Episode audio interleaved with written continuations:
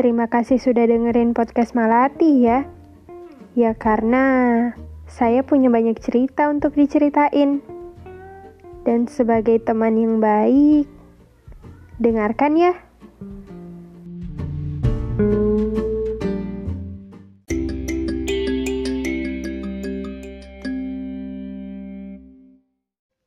Halo, halo, halo, halo. Halo. Kalian pernah marah nggak? Marah sampai-sampai kalau diajak ngomong tuh nggak mau jawab. Ditanya tuh jawabnya terserah. Terus kalau pokoknya nggak bisa diajak ngobrol baik-baik. Pernah kayak gitu nggak? Orang marah tuh biasanya suka ambil kesimpulan yang gak masuk akal. Yang kalau dipikir-pikir lagi, sebenarnya nggak perlu segitunya. Kayak misalnya dulu, dulu nih, saya pernah marah sama orang. Saya marah. Saya selalu marah. Saya memang suka marah-marah. Karena dunia memang menyebalkan. Selalu menolak saya selalu seperti tidak suka dengan saya. Entah apa yang salah, entah bagian mana yang kurang, pasti selalu ada masalah. Dulu saya pikir punya masalah itu masalah.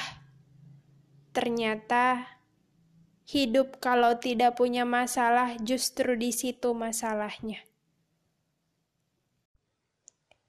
Intinya saya marah.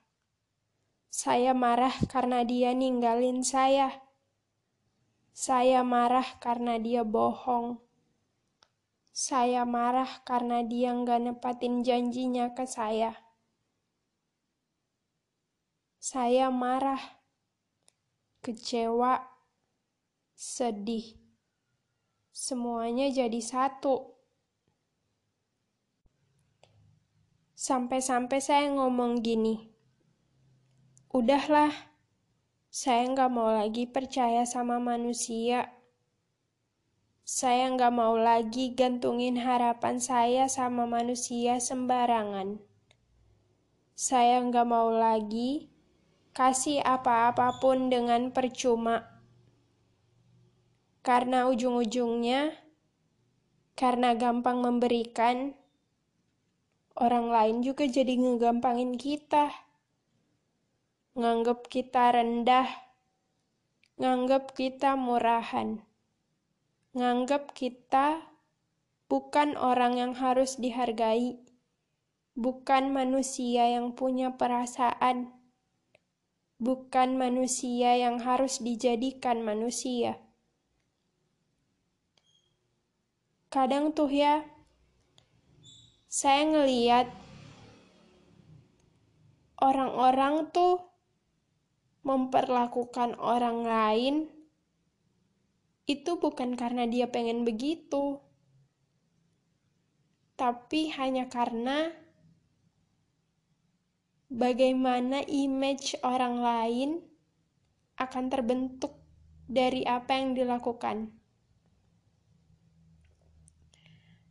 Misalnya nih, dia baik. Bukan karena dia emang beneran baik, tapi karena pengen dilihat baik. Orang sekarang tuh nyebutnya jaim, jaga image. Giliran keluar aslinya, bikin orang dah tinggi, bikin orang kecewa lagi-lagi kecewa. Karena dari awal kita udah disuguhin yang manis. Udah berharap, oh nanti bakal kayak gini nih. Nanti bakal kayak begitu. Ya, harapan-harapan itu yang bikin kalau realita nggak sesuai, ya marah, jadi masalah,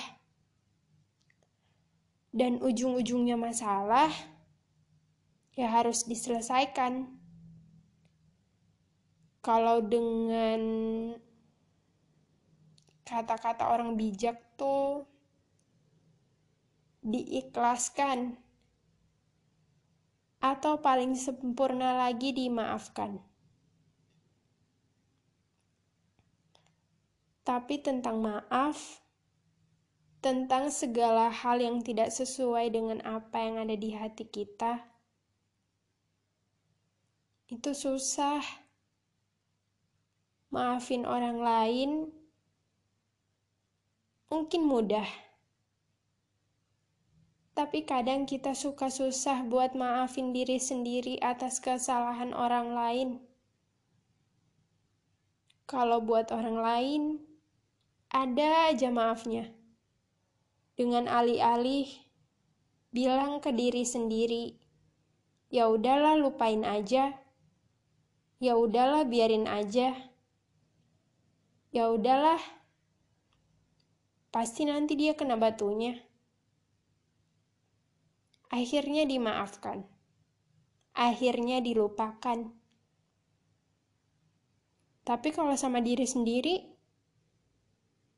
giliran diem aja, sendirian nih ya, diingat lagi, nyalahin diri sendiri lagi, dengan kata-kata, ih kok gini sih, harusnya tadi aku tuh gak gitu. Coba kalau aku gini, Tuh kan. Tentang marah dan masalahnya, dinikmatin aja dulu. Marahnya, kecewanya, putus asanya. Tapi jangan lupa, jangan lupa jalan pulang. Jangan lupa diri sendiri. Karena ujung-ujungnya lagi, kita yang paling tahu diri kita itu kayak gimana, bukan orang lain. Kalaupun emosi negatif nggak sengaja keluar dari diri kita, dimaafkan. Bukan cuma orang lain, tapi diri kita sendiri. Karena ujung-ujungnya, dan pada akhirnya, hal yang paling penting dan jauh lebih penting adalah diri kita sendiri. Bukan egois. Ya, walaupun menurut saya egois memang perlu. Karena kalau bukan kita sendiri yang peduli, siapa lagi? Tentang marah dan maaf, dan masalah yang ada di dalamnya, mari sama-sama kita pecahkan. Diam dulu sejenak. Mungkin akan dapat jawaban dalam diam, tapi kamu harus benar-benar tenang. Itu butuh waktu. Coba berhenti dulu berhenti untuk nyalahin diri sendiri. Berhenti untuk terlalu mikirin masalah yang sebenarnya nggak perlu dipikirin. Di dunia ini kita udah banyak capek. Jadi, untuk hal-hal yang tidak perlu dibawa serius, nggak usah ya. Nggak usah nambah-nambah capek yang sudah capek nanti jadi capek sendiri, nanti jadi mumet sendiri, nanti jadi marah-marah sendiri. Ya karena apa pun yang dilakuin sendiri pasti bikin frustrasi, pasti ngeselin. Seseneng-senengnya kita sendiri, kita butuh orang lain juga kan? Salah dan masalah bukan sesuatu yang menyedihkan.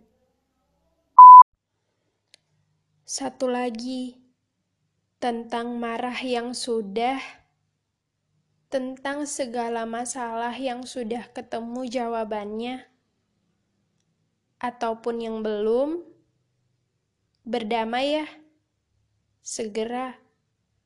Ya karena semarah-marahnya kita, sekecewa-kecewanya kita, itu semua cuma perasaan dan perasaan ujung-ujungnya cuma bisa dirasakan. Jangan terlalu dibawa sampai ke otak, nanti menyesal jadinya. Hmm, maafin orangnya, maafin perkaranya, maafin diri sendiri biar hidup kita jauh lebih tenang.